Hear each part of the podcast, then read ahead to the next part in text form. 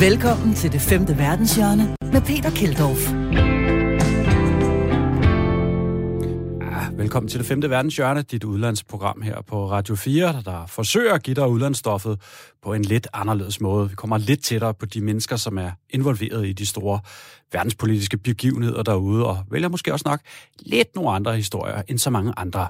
Fordi verden er så stor og vild og fascinerende, og der er så meget derude, som ikke bliver fortalt, og det vil vi gerne fortælle til dig. Blandt andet i dag vil vi gerne fortælle om de såkaldte frogmen i Tanzania, der graver, ja, sorry, lort ud med de bare næver. Hør en gang her.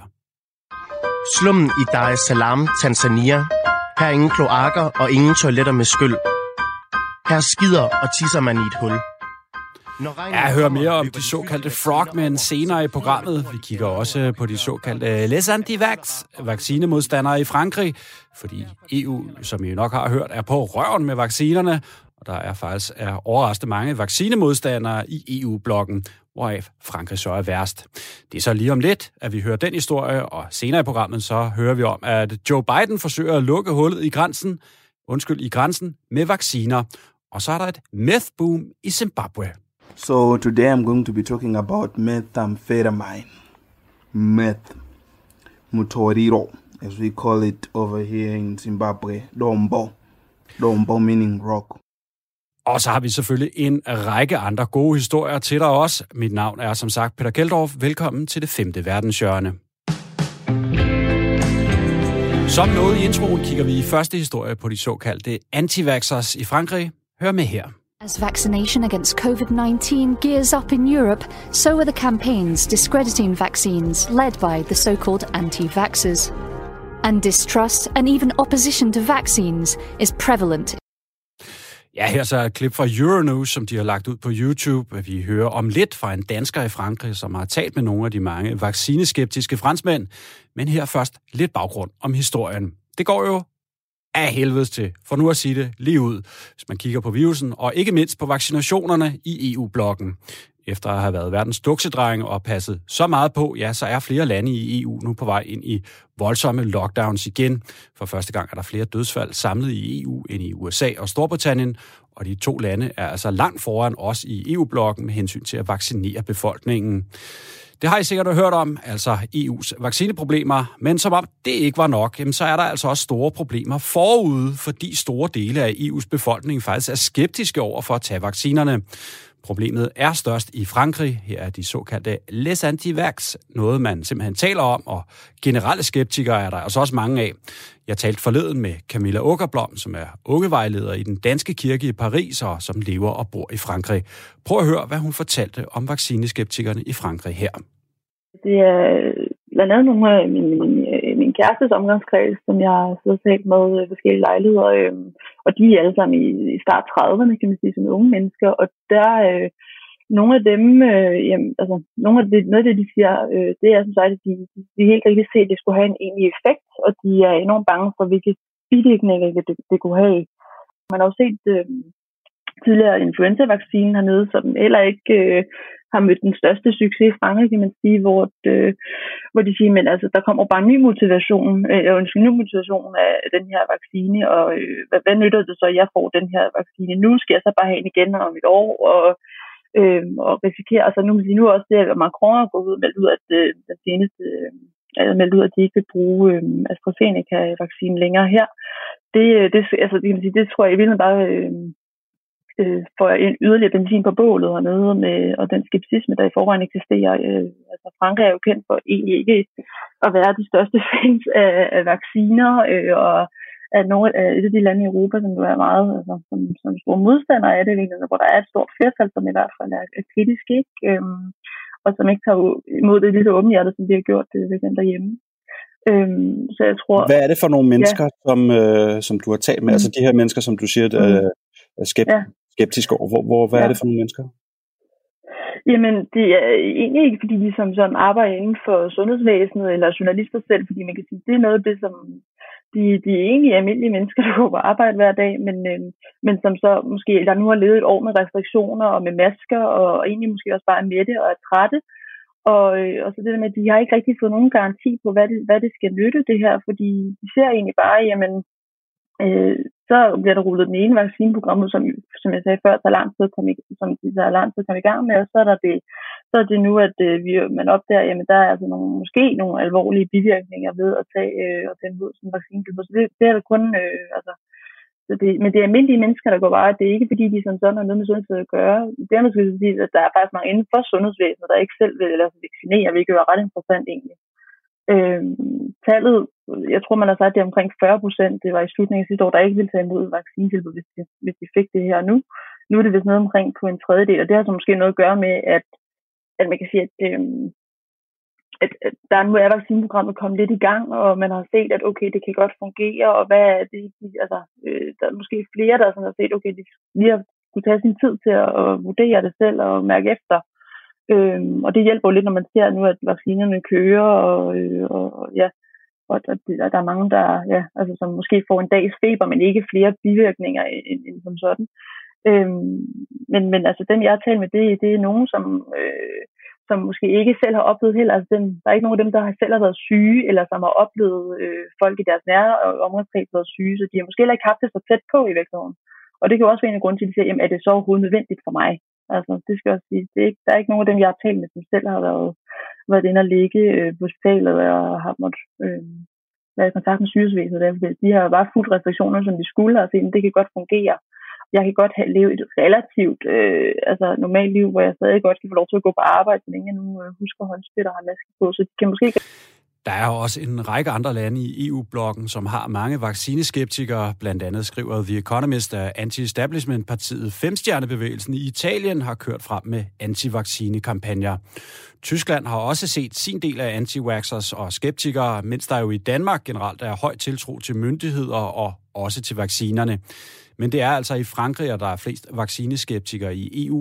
Her er det nærmest blevet en fastgroet del af folkekulturen at være imod vacciner, fortalte Camilla Åkerblommer forleden til mig. Hør med her. Frankrig er jo et land med en forholdsvis lang historie for vaccinemodstandere og skeptikere. Ikke? Øh, altså det, det kan man se også allerede i slutningen af 90'erne, hvor at, øh, der i Frankrig har været stor diskussion om effekten af vaccinen mod hepatitis B, og så var det svineinfluenzaen i 2000 eller 2010, tror jeg det var. Øh, og så har der været flere sundhedsskandaler hernede øh, gennem årene. Øh, og sådan sige, jeg tror så også, det, som siger, det sidste år med, med nedlukninger og så stadig skiftende refleksioner, har virkelig også sat, øh, sat gang i kæderne rundt om de franske hjem, når det kommer det spørgsmål, hvorvidt de vil tage imod tilbud ej, fordi de grundlæggende, altså i langt højere grad, vi oplever hjemme, er præget af mistillid og mange tiltro til, øh, til embedsstanden og til den politiske elite, men altså også til medierne i det hele taget. Altså fordi de sociale medier spiller altså også virkelig en væsentlig rolle, tror jeg, i den her debat, fordi det er enormt let at sprede både information, men også misinformation, kan man sige. Og det, det kan så tvivl i sindet hos mange, om det nu er bedre øh, at lade sig vaccinere eller ikke. Øhm, så, så der er langt større øh, altså mistillid også til det, politikerne melder ud, fordi de, de, har en, en trist historik i den forbindelse, at de oplever, jamen, at øh, politikerne, de, de, de, de måske ikke altid taler sandt, og de måske også øh, handler nogle gange lidt mere for egen vindings skyld, og ikke rigtig øh, stop på de løfter, de nu lavede dengang, de, øh, øh, de gik til valg. Så, øh, så, så generelt er der større mistillid i Frankrig, både til en, til en anden som medmennesker, men også især til eliten. Hvordan foregår debatten så om les antivax øh, i Frankrig? Og folk, der er skeptikere generelt? Mit indtryk er, at det primært foregår på, på de sociale medier. Øh, både Twitter, øh, TikTok, øh, Instagram og så videre, Facebook. Øh, der, der er der mange øh, forskellige grupperinger og debatforer, du kan gå ind i og diskutere, øh, hvad du mener om det ene og det andet. Der kom også en dokumentar ud, mener jeg, i efteråret. Nu kan jeg ikke huske, om den hedder Hold Up, eller sådan et eller andet måde. Øh, den, jeg har ikke selv set men, men det var øh, altså en dokumentar, der talte lige ind, til at sige, den her bevægelse, og lige til dem, fordi det var en, en, en dokumentar, der i hold, øh, grad øh, altså holdt fast i argumentet om, at det var en, det var en øh, øh, ja, altså det er en konspiration, den her, øh, eller den her pandemi, og, og den slet ikke er, øh, altså det er øh, et indgreb fra regeringen for at kontrollere befolkningen, fordi det er jo det, mange af dem påstår, ikke, at det, at det, at det overhovedet ikke handler om folkesundheden, men det handler om, at regeringen ønsker at kontrollere. Øh, øh, men jeg tror, der er mange forskellige øh, altså, grupperinger inden for de her lidt antivax. Altså, der er måske der er mere sådan lidt mere religiøse fløj, som siger, jamen altså, hvis, hvis Gud har besluttet, at du bliver syg, jamen så, øh, så går du imod Guds vilje, så, må du, altså, så er du blevet syg, ikke? Og så er der sådan nogle, måske lidt mere pseudovidenskabelige, øh, som mener, at virusen slet ikke er så farlig, og lede med den et år, og hvis man bare passer på, så kan man jo godt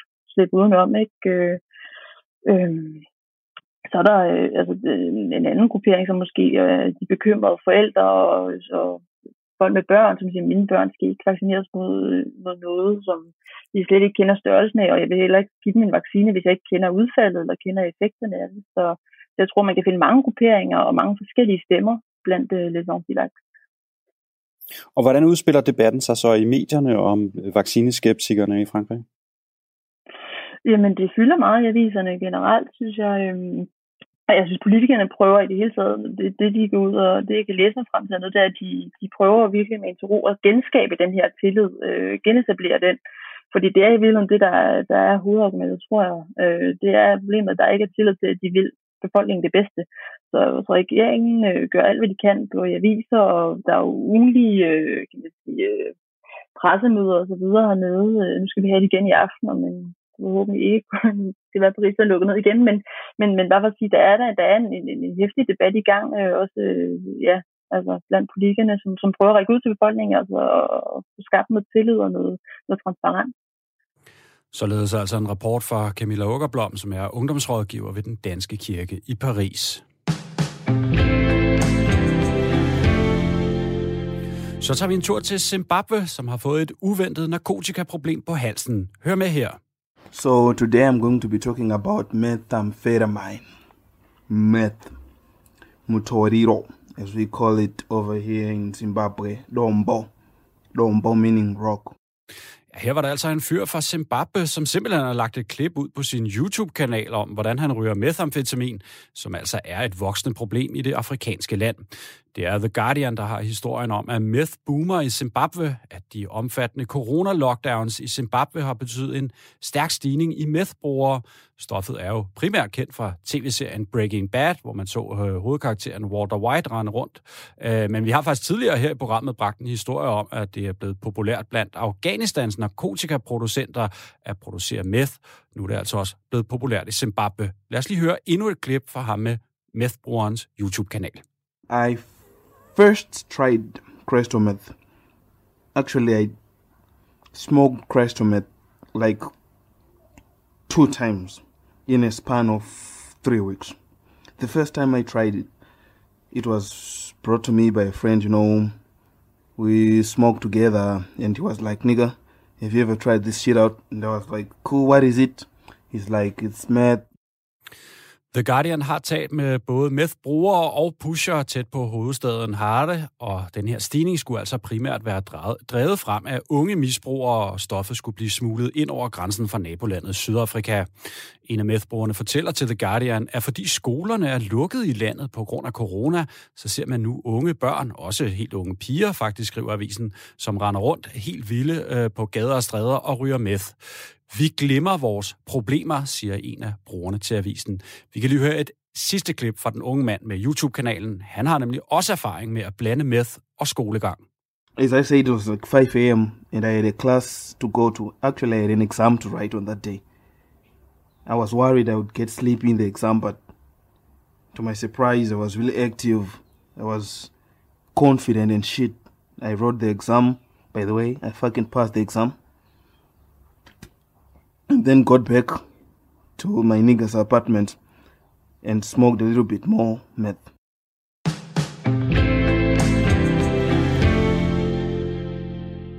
Her på det femte verdenshjørne elsker vi jo de gode historier, som altid kommer ud af at bevæge sig ud i verden. Lige meget om det er en stor jordmejse eller en charterferie til Gran Canaria, så er der jo altid noget at fortælle, når man kommer hjem igen. Der er altid en lille røverhistorie, man kan fyre af i baren. Den slags historier elsker vi her på programmet og hylder det jo med vores øh, faste indslag hver uge. Ugens postkort eller ugens røverhistorie kan man kalde det, hvor vi hver uge har en fortælling fra en, der har rejst en del i udlandet eller arbejdet derude. I denne uge kommer ugens postkort til det femte verdenshjørne fra formand for Eventyrenes Klub, Kåre Wagner. Ja, rejsen den går til Venezuela, hvor jeg igennem 25 år er kommet flere gange om året og jeg har specielt interesseret mig for at besøge indianerne ude i junglen. Det tabte folk, kan man sige.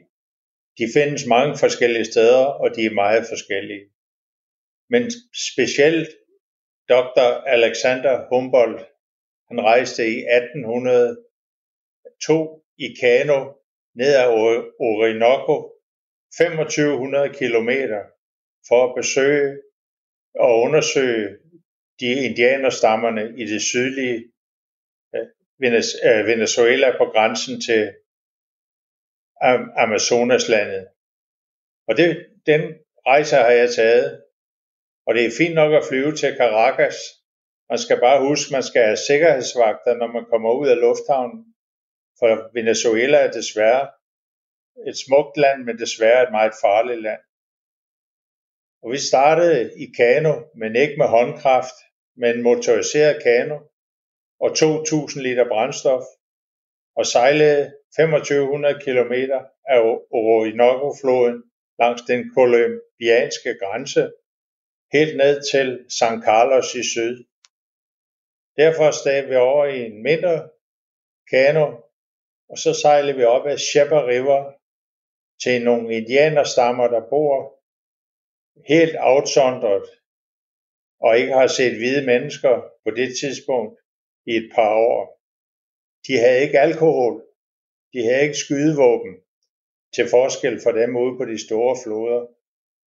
Og der boede de så i hængekøjer i nogle små landsbysamfund med 50-60 indbyggere, og hver fjerde år flyttede de, for de levede af at dyrke jorden efter det gamle dag, gammeldags svedelandsbrug landsbrug, øh, landbrug og øh, lidt fiskeri.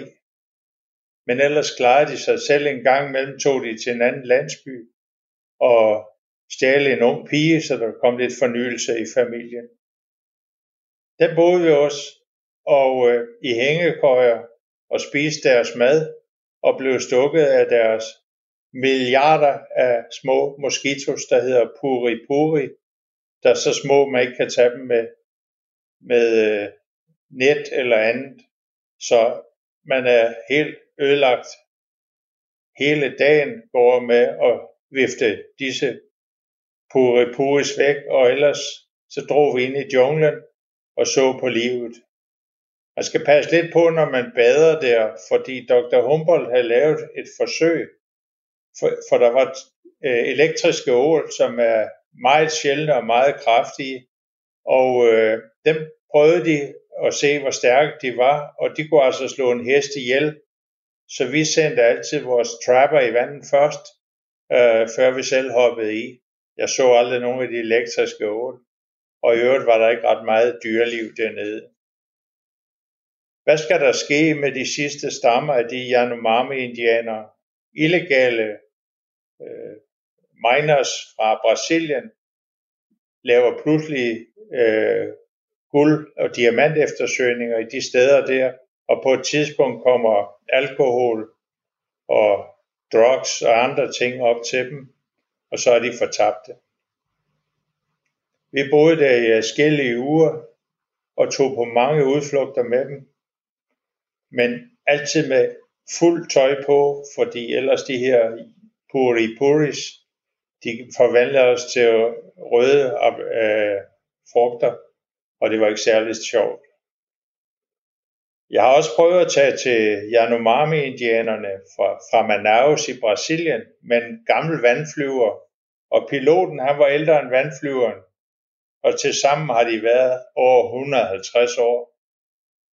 Der lykkedes det at lande på den sorte flod, altså den sø, forbindelsen mellem Amazonas og Orinoco. Men det lykkedes ikke os at komme op til Yanomami-indianerne igen, fordi adgangen var forbudt på grund af, at andre havde forsøgt at trænge op til dem.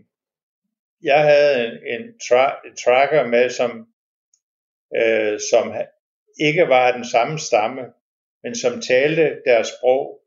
De har cirka, hver stamme har hver, stort set hver sit sprog, for de lever helt isoleret. Selvfølgelig er der ligheder.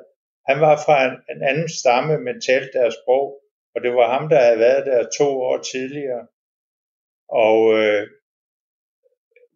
fordi vi medbragte fiskekrog og stegepander, som han vidste, de gerne ville have, så blev de vores venner, og derfor indvidede de os i en række af deres ritualer og fortalte om, hvad de også er berømt for. De tager noget, der hedder Jopa, og det tager de ved, at de har nogle lange pusterør, og så er det noget for nogle frugter, så blæser de det op i, i næseborene, og så bliver de sådan helt rundt os og ser sol, måner og stjerner.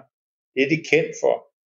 Jeg skulle ikke prøve det, men, men øh, det kan være, det har hjulpet lidt på, på alle de mange myggestik. Vi har senere forsøgt at få en læge med derop, men det kunne vi ikke få tilladelse til. Man skal have tilladelse. Det er meget, meget, området er meget afspærret, og kun de illegale miners kommer ind øh, sådan af andre veje, men, men øh,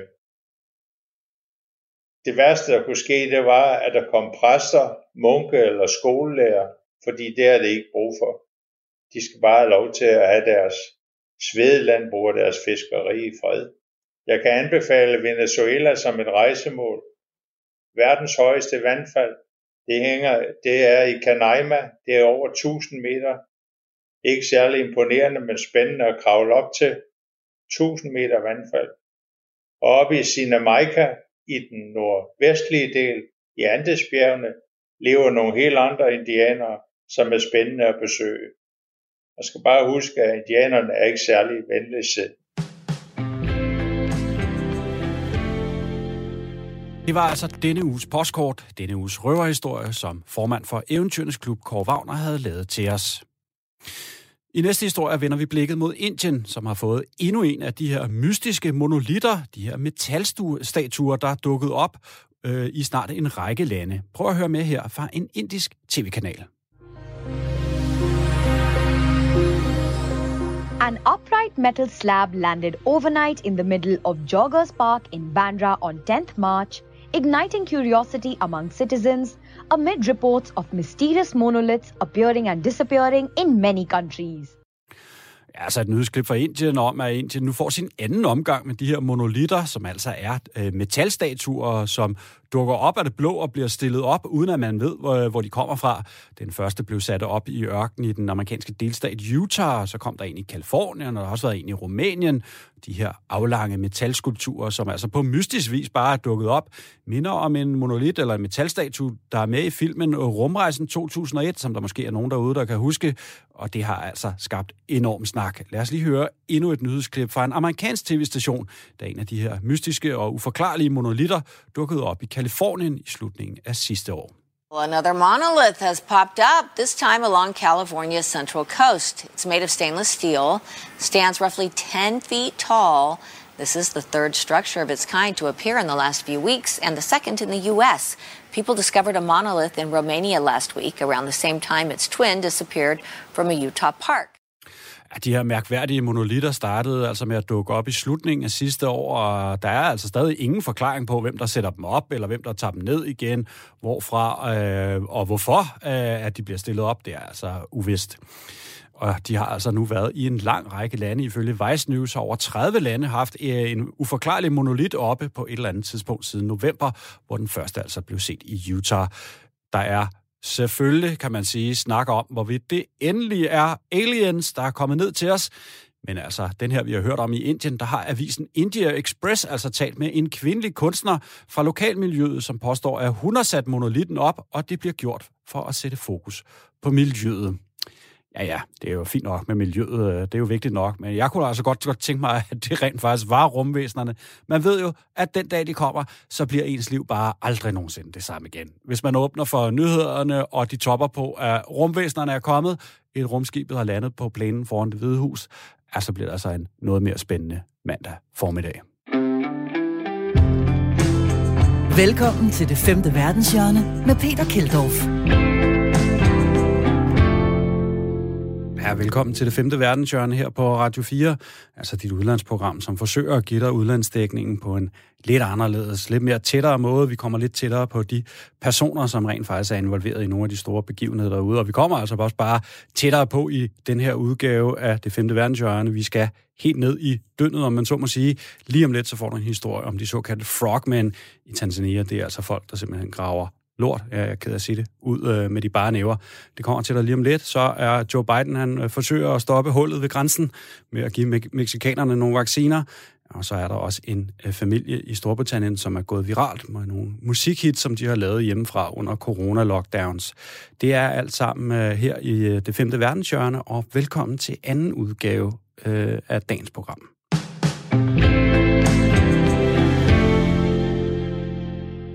Men som lovet, så skal vi altså til en historie, som vi har ville lave øh, rigtig længe her på øh, programmet. Altså en historie om de såkaldte frogmen, frømænd kan man sige, i Tanzania.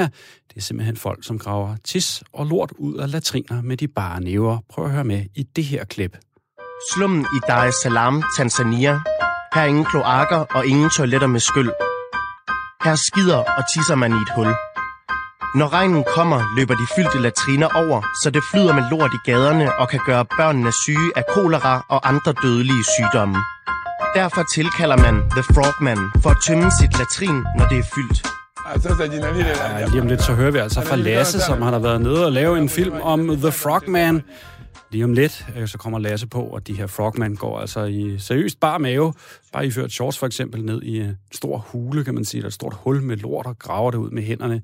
I den her video, der kan man se, hvordan de med nogle spande bare graver lort ud af latrinerne, og de her frogmen er altså dækket i hoved og krop af, ja, altså lort. Derefter i videoen, så ser man så hælde det ud i floden for at fjerne det. Lad os lige høre fra en af de ledende frogmen i Dar es Salaam i hovedstaden i Tanzania sababu nya ipo, lakini kinyaa kama wewe utaona kinyagi. Mimi uone ni kazi yangu. Ja, det er, det er ulækkert, men det er altså mit arbejde, sådan lød det fra Mr. Morte, som er en af de frogmen, der optræder i den video, som Lasse har været med til at lave. Og med på en linje øh, har jeg dig, der har besøgt de her frogmen og været med til at lave den video, vi har afspillet et par klip fra. Velkommen til dig, Lasse Schøber. Ja, tak. Lasse, I fik jo sådan et Danita-legat til at tage ned og lave den her video. Øh, hvad er det, I oplevede, da I var nede og besøgte de her frogmen i Tanzania? Jamen, vi oplevede jo, hvordan at, øh, at man lever under lidt andre forhold, når man øh, besøger folk i, øh, i, i Tanzanias øh, slum, eller det her ulovlige bebyggelse, der, der ligesom vokser rundt om, om byen. Øhm, og altså, man skal lidt forestille sig, at man går man kommer fra noget rigtig storbysagtigt, og så bevæger man sig ud, hvor det bliver mere og mere sådan noget hjemmebygget noget. Og det her, vi var i, det var ligesom sådan noget terræn. Så det, er sådan nogle, altså det ligger i sådan noget bakker, øh, skrænteragtigt, ligger den her lands lille bydel i, hvor du så går ned, og du går, altså du går bare næsten sådan lidt labyrintagtigt ned af, af sådan nogle stenkanter og sådan noget, hvor der ligger huse og skure, som folk sådan lidt selv laver på kryds og tværs, som så til sidst har skabt den her den her øh, bebyggelses- eller hvad, settlement-del af, af øh, Tanzanias. Øhm, og, øhm, og alle, rundt til alle de huse her, der er der ligesom, der render der jo børn rundt og leger, og der er et lille, lille å, der løber igennem, eller sådan en vandløb, der løber igennem hele, hele byen, og så er der en masse huse og en masse mennesker, der sidder, og damer, der hænger tøj op, og, og mænd, der er på vej på arbejde, og så, ja, så alle de her huse her, der er der jo så sådan tilhørende latrin, som jo, øh, som jo er et, altså bare et stort hul, hvor der så man har bygget sådan et lille das-skur ved siden af. Altså nogle steder er det bare sådan et, et bræt med et hul i, og andre steder så er det sådan et, altså hvor man lige har prøvet at lave et skur, og, så man kan være lidt for sig selv. Øhm, ja, så det der sker med de her huller, det er jo, at øh, når man har brugt dem længe nok, så bliver de fyldt, altså, så bliver de fyldt helt op. Og så fordi det er det her terræn, jeg snakker om, og det er sådan lidt, øhm, en gråzone og have bygget og bo der, hvor de bor, så er det, at man, øh, at for at få tømt det her hul, så bliver man ligesom nødt til at ringe til de her fyre, de her frogmen, for at få det tømt, fordi at staten gør, gør det ikke, og altså, de vil, altså man kan, vil slet ikke kunne få maskiner ind i de her slumområder for at, at, at tømme, tømme den. Så det er altså øh, de her frogmen, der kommer, og altså, hvis man skal prøve at beskrive, hvordan de ser ud, så, øh, så er der ham her Mr. Mode, som vi lige hørte fra. Han, han er meget, han er sådan en gråspringt herre på omkring de 60 i gummistøvler. Øh, og så havde han to hjælpere, som var to meget, øh, hvad skal man sige, hakkede øh, unge fyre med cowboybukser på, som, øh, som han ligesom havde til at hjælpe ham. Og så foregår der faktisk bare det, at de tager noget tøj af, så de står i shorts eller i, kun i cowboybukser. Og så, øh, og vi har også set billeder af, at der er nogen, der gør det helt nøgne. Øhm, og så øh, hælder de noget petroleum eller benzin, de kaldte det petroleum, hælder de sådan ud over øh, selve latrinhullet, og så smører de sig selv ind i det også. Øhm, og så hopper de ellers bare ned, altså i lort, og bogstaveligt talt står i lort til, øhm, til halsen eller til brystet. Og så har de en skål, eller hvad hedder det, en, øh, en spand, og så fylder de spanden og giver det til den, der står deroppe, som hælder det ned i et hul, de har gravet lidt længere henne. Og det gør de så i nogle timer, indtil det her latrin er, er tømt, og så, øh, og så, øh, ja, så åbner de for det hul. Det var i hvert fald i det her tilfælde, så åbner de for hul, og så lader de ligesom flyde ud i den her å, som så flyder ud i, i havet. Øhm, og noget af det, er, er det så ligesom måden at få det væk på? Altså, de graver et, øh, de tager noget fra et hul i latrin, putter det over et andet hul, men så åbner op, sådan så det kan flyde ud i floden. Er det rigtigt forstået, eller hvad? Så, så kommer det ja, ligesom det væk? Ja, det gjorde de i det her tilfælde. Vi var nede og, og optage, men jeg ved også, at de også nogle gange, hvis, hvis jorden er til det, altså også bare graver et hul og lader det blive dernede under. Men her var der jo de her klippe agtige jordunderlag, så der, der har det ikke kunnet grave dybt nok, så er det bare gravet et hul, de kunne smide det over i det, indtil de kunne åbne op for, øh, for at lade det løbe ud i, i, i åen. Ham her, Mr. Mode, som du nævner, og som vi også lige afspillede et klip med, øh, og du fortalte mig også her forleden, han, han er sådan lidt en hero, ikke? Altså, altså selvom det lyder lidt uh, ulækkert, det arbejde, han laver, så er han lidt, han er lidt, en, han er lidt en held på en eller anden måde, han ikke? Jo, det er det. Altså, de sætter meget, meget pris på. Altså, de er, lidt nogle, altså, de er nogle respekterede folk i lokalsamfundet, fordi at for det første, så er det jo et job, der er virkelig vigtigt at få lavet. Altså, det kan man jo selv regne ud, hvor ulækkert det ville være, hvis det ikke blev lavet. Øh, og derfor så er de jo, og det er jo ikke alle hver, der laver det, så så på den måde bliver det vigtigt, og han havde altså et par, øh, sådan to-tre kroner og et fire hus, tror jeg, han havde. Så han var altså en velanset et mand i, øh, i lokalsamfundet.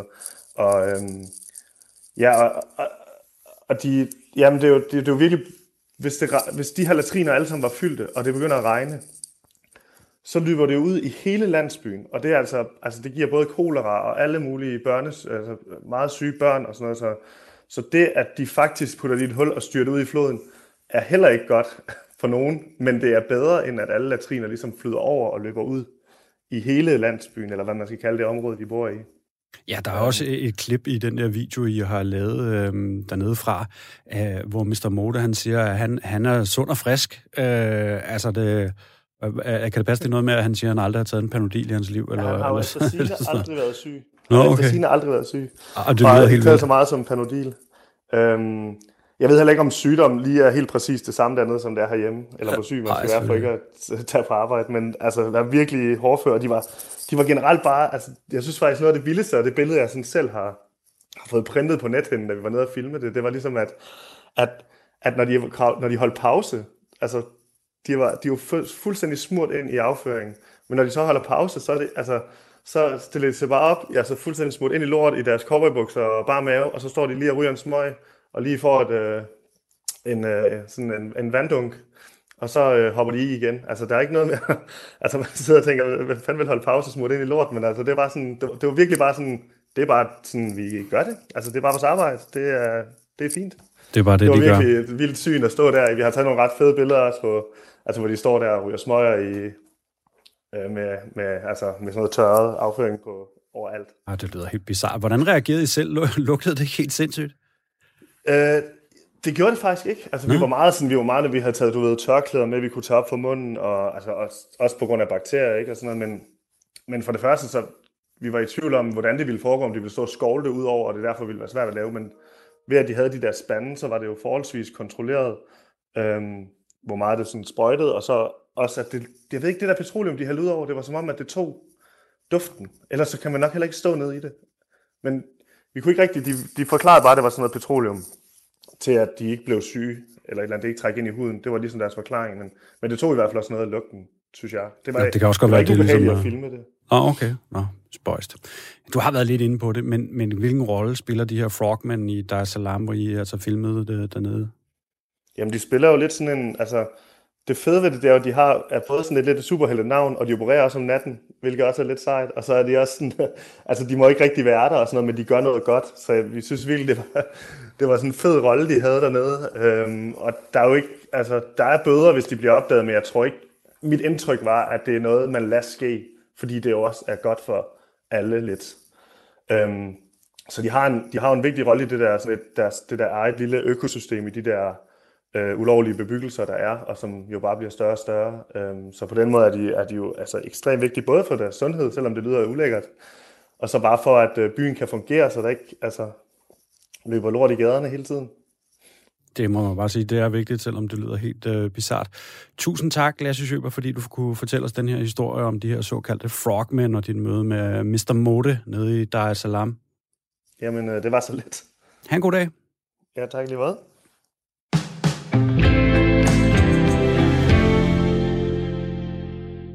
Så vender vi os mod USA og hvad der er blevet kaldt for Bidens første krise, situationen ved grænsen, hvor mange tusind migranter nu strømmer til. Let's talk about the crisis at the border. Some heartbreaking scenes down there yeah. right now. And a lot of the migrants coming in saying they're coming in because you promised to make things better. It seems to be getting worse by the day. Was it a mistake not to anticipate this surge? Well, first of all, there was a surge the last two years and, and, and ja, det er altså Joe Biden, vi hører her, her efter han får et lidt kritisk spørgsmål fra George Stephanopoulos på tv-stationen ABC, som de har lagt ud på YouTube om situationen ved grænsen. Men Joe Biden har altså et stærkt S i de her dage med sig op i ærmet. Han bruger nemlig nu vaccinediplomati og giver nu Mexico overskydende doser af vaccinen AstraZeneca. De amerikanske medier Washington Post og New York Times skriver nemlig, at det ikke er tilfældigt, at Biden kommer med de overskydende AstraZeneca-vacciner netop nu. The U.S. will send a combined 4 million doses of AstraZeneca's COVID vaccine to Mexico and Canada. Ja, i sidste uge var Biden altså ikke klar til at dele ud af AstraZeneca-vaccinerne, men nu har pipen altså fået en anden lyd, og de to store aviser skriver altså, at det er et udtryk for vaccinediplomati, og Canada så også får lidt af sådan et semi-slags cover-up for det egentlige problem, som er, at Biden gerne vil have, at Mexico de skal indføre lidt mere hårdhændet kontrol med de migranter, der kommer op igennem Mellemamerika fra for eksempel Honduras og Guatemala. De fleste migranter kommer nemlig derfra og ikke fra Mexico. Det Hvide Hus øh, pressetalskvinde har sagt, at de to emner, grænsesikkerhed og vaccineuddeling til nabolandene, er overlappende, men ellers ikke hænger sådan sammen, at USA rent faktisk betaler Mexico for at slå hårdt ned på migranterne, for til gengæld at give dem noget AstraZeneca. Men altså flere amerikanske medier mener at vide, at det rent faktisk er præcis sådan, det hænger sammen. Mexikanerne får lidt Astra, og så stopper Joe Bidens første krise, forhåbentlig for ham i hvert fald. Situationen på grænsen begynder altså nu at lige nogle af de scener, jeg selv har set flere gange. Jeg har nemlig fulgt migranter op igennem øh, Mexico flere gange, blandt andet hvor de sidder på toppen af de her tog, der kører igennem Mexico. Men altså, jeg har også været med der, hvor der var tusindvis af migranter samlet ved grænsen og forsøgte at storme den. Nu er der altså øh, i de her dage en 20-årig rekord i migranter, der kommer til grænsen, fordi de tror, at Joe Biden har åbnet dørene efter Trump. Og derfor så bliver præsidenten altså nødt til at gøre noget ved det, og et af forsøgene er altså ifølge de amerikanske medier, at han giver meksikanerne nogle vacciner. Budskabet fra Biden til migranterne lyder faktisk rimelig tæt på, som det, det kom fra Donald Trump. Lad os lige prøve her her. It's going to take some time, though, to get those policies in place again. Do you have to say quite clearly, don't come? Yes, I can say quite clearly, don't come. And what we're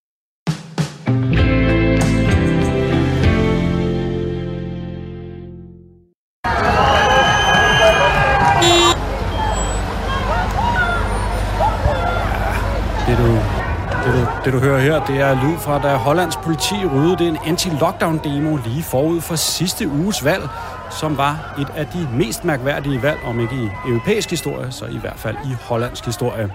Der blev nemlig stemt over en tre-dages periode på grund af coronapandemien, og valget kom øh, i det hele taget, fordi regeringen var gået af i januar på grund af en kæmpe skandale. Der kom et utal af nye partier til, Forleden der ringede jeg til Ebbe Askholm, som er bosat i Utrecht og har boet i Holland i 20 år, for at få en lidt mere klarhed over, hvad der egentlig skete ved det utraditionelle valg i Holland.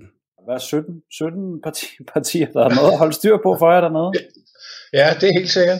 Der er kommet 17 partier ind, men der var øh, øh, 37 partier, som stillede op. Så der var, en, der var en masse nye partier, og det er meget svært at holde styr på dem. Ja, du hørte rigtigt. 37 partier, som stillede op, og 17, der kom ind. Det er jo, som han sagde, Ebbe der, fuldstændig umuligt at styre på. Så her kommer der en quick guide, som jeg og Ebbe har lavet til dig. Mark Rytte, premierminister, vandt igen igen, og bliver også premierminister igen. Det sker altså nærmest hver gang, eller i hvert fald sket de sidste mange gange. Intet nyt under solen der.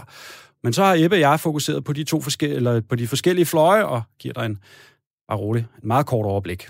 Uh, vi følger den hollandske stil og starter utraditionelt med valgets helt store taber, Venstrefløjen. Her er der nemlig et parti, som i talende stunden lige akkurat ser ud til at komme ind med et mandat. Det er den karismatiske Sylvana Simons, som vil blive den første sorte kvinde i Hollands parlament.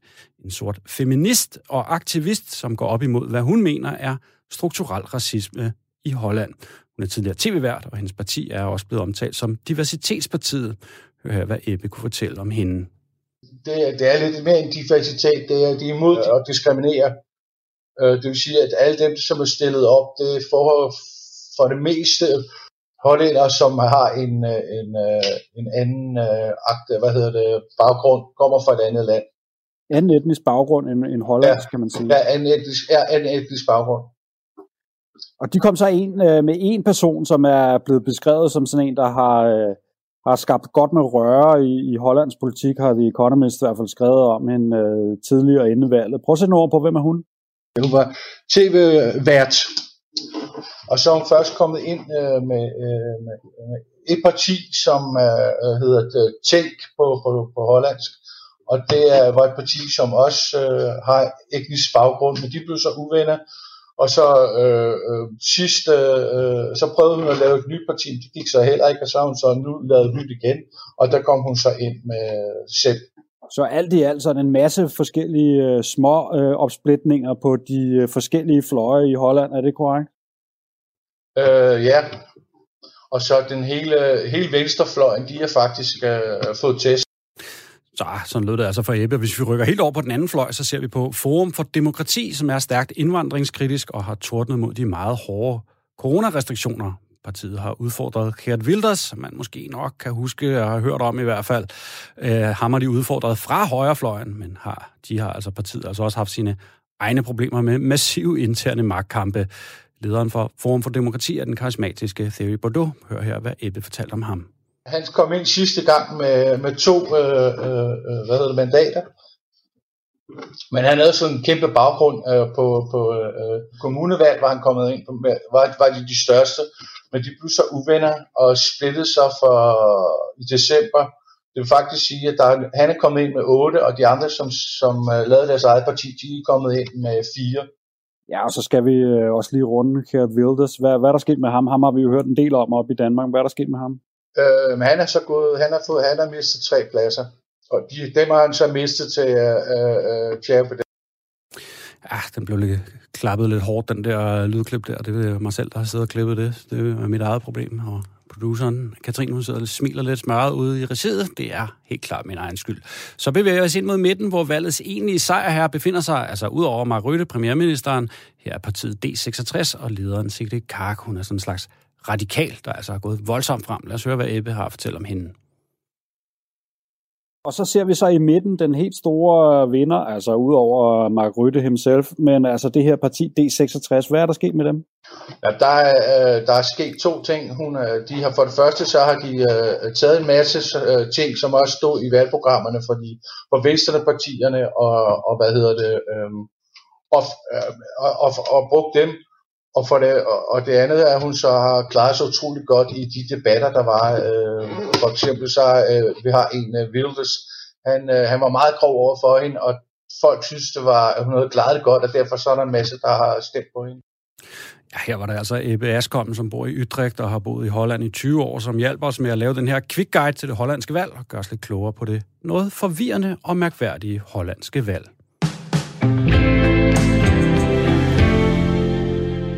Så vender vi os mod Afghanistan, hvor regeringen ser ud til at trække et stærkt omdiskuteret tiltag tilbage. De havde nemlig lavet et forsøg på at forbyde skolepiger at måtte synge i skolerne. Hashtagget I am my song har trendet i Afghanistan i protest mod den oprindelige beslutning, der kom fra landets undervisningsministerium. I et brev til øh, landets skolebestyrelser, der blev lækket til de afghanske medier, så skrev myndighederne, at skolepiger over 12 år ikke længere skulle synge til offentlige begivenheder, med mindre begivenhederne kun var med kvinder. Altså begivenheder uden mænd, det var okay, der måtte de godt synge. Øh, der stod også, at pigerne ikke kunne blive undervist af en mandlig musiklærer.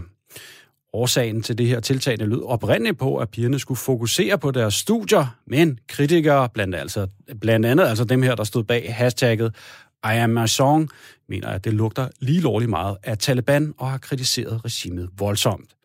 En række kvinder startede så en online-kampagne, hvor de sang hjemmefra og optog det og lagde videoerne ud på Twitter og andre sociale medier. Det ser ud som om, at det har virket. At det ser i hvert fald ud til, at regeringen nu trækker deres meget omdiskuterede forslag tilbage, og at de afghanske skolepiger igen kan få lov til at synge. Det manglede der også bare.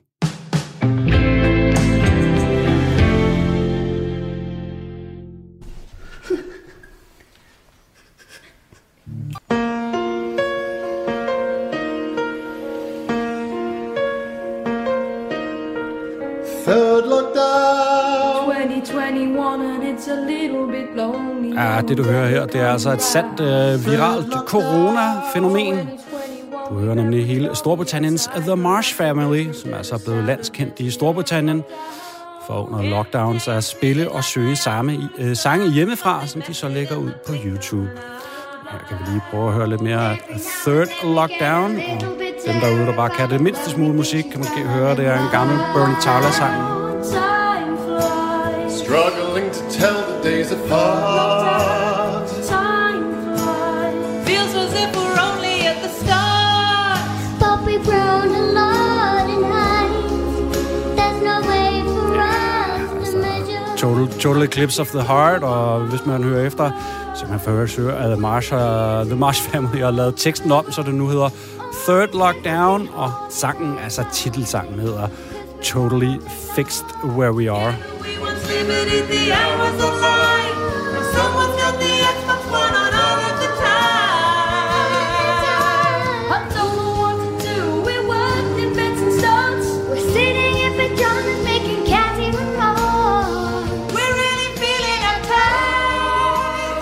det er altså en britisk uh, viral uh, udgave af fællesang, med, uh, som vi også har på Danmarks Radio. Det er altså også noget, vi har set andre steder. Kan I huske den der første bølge i Italien, hvor de sang fra balkongerne? I Mexico har der været mariachi-bands, og jeg har faktisk også uh, været i USA og filmet en drag queen-koncert på en rullende blokvogn, der blev trukket rundt i Las Vegas forsteder, så folk kunne se uh, koncerten for deres forhaver. Uh, lad mig lige prøve at se, om jeg kan finde ud af at sætte en anden uh, The Marsh, uh, nu klassiker på. Prøv at høre, om vi kan finde den her.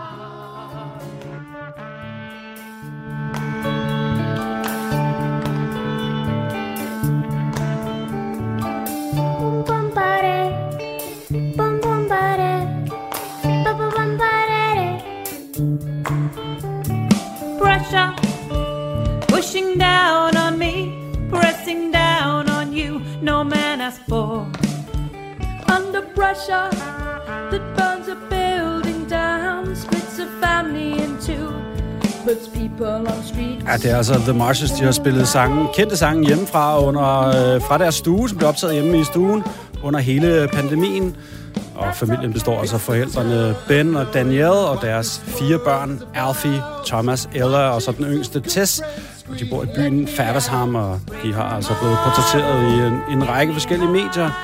BBC har skrevet en del om den, og The Guardian har skrevet om den, og øh, New York Times har også skrevet øh, om den, som jeg læste om den her forleden. Og så den sang, vi hørte lige før, altså Total Eclipse of the Heart, var den seneste, så vidt jeg har set, som kom ud, og har altså 2,7 millioner klip på YouTube. Øh, og nu er Storbritannien, som vi jo hørte i en anden historie tidligere i programmet, kommet lidt bedre ud af pandemien, i hvert fald end den situation, de stod i tidligere.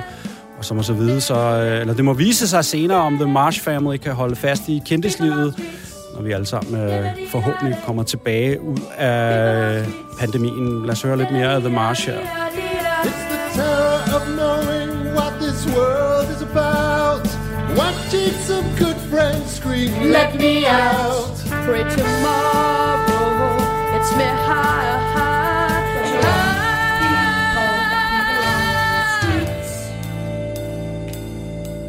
All. Vi smutter lidt ud af programmet, mens uh, The Mars de fortsætter med at spille Under Pressure. Forhåbentlig er vi ikke så meget Under Pressure. Uh, måske om et par måneder her i Danmark, men det går altså lidt bedre for dem over i Storbritannien.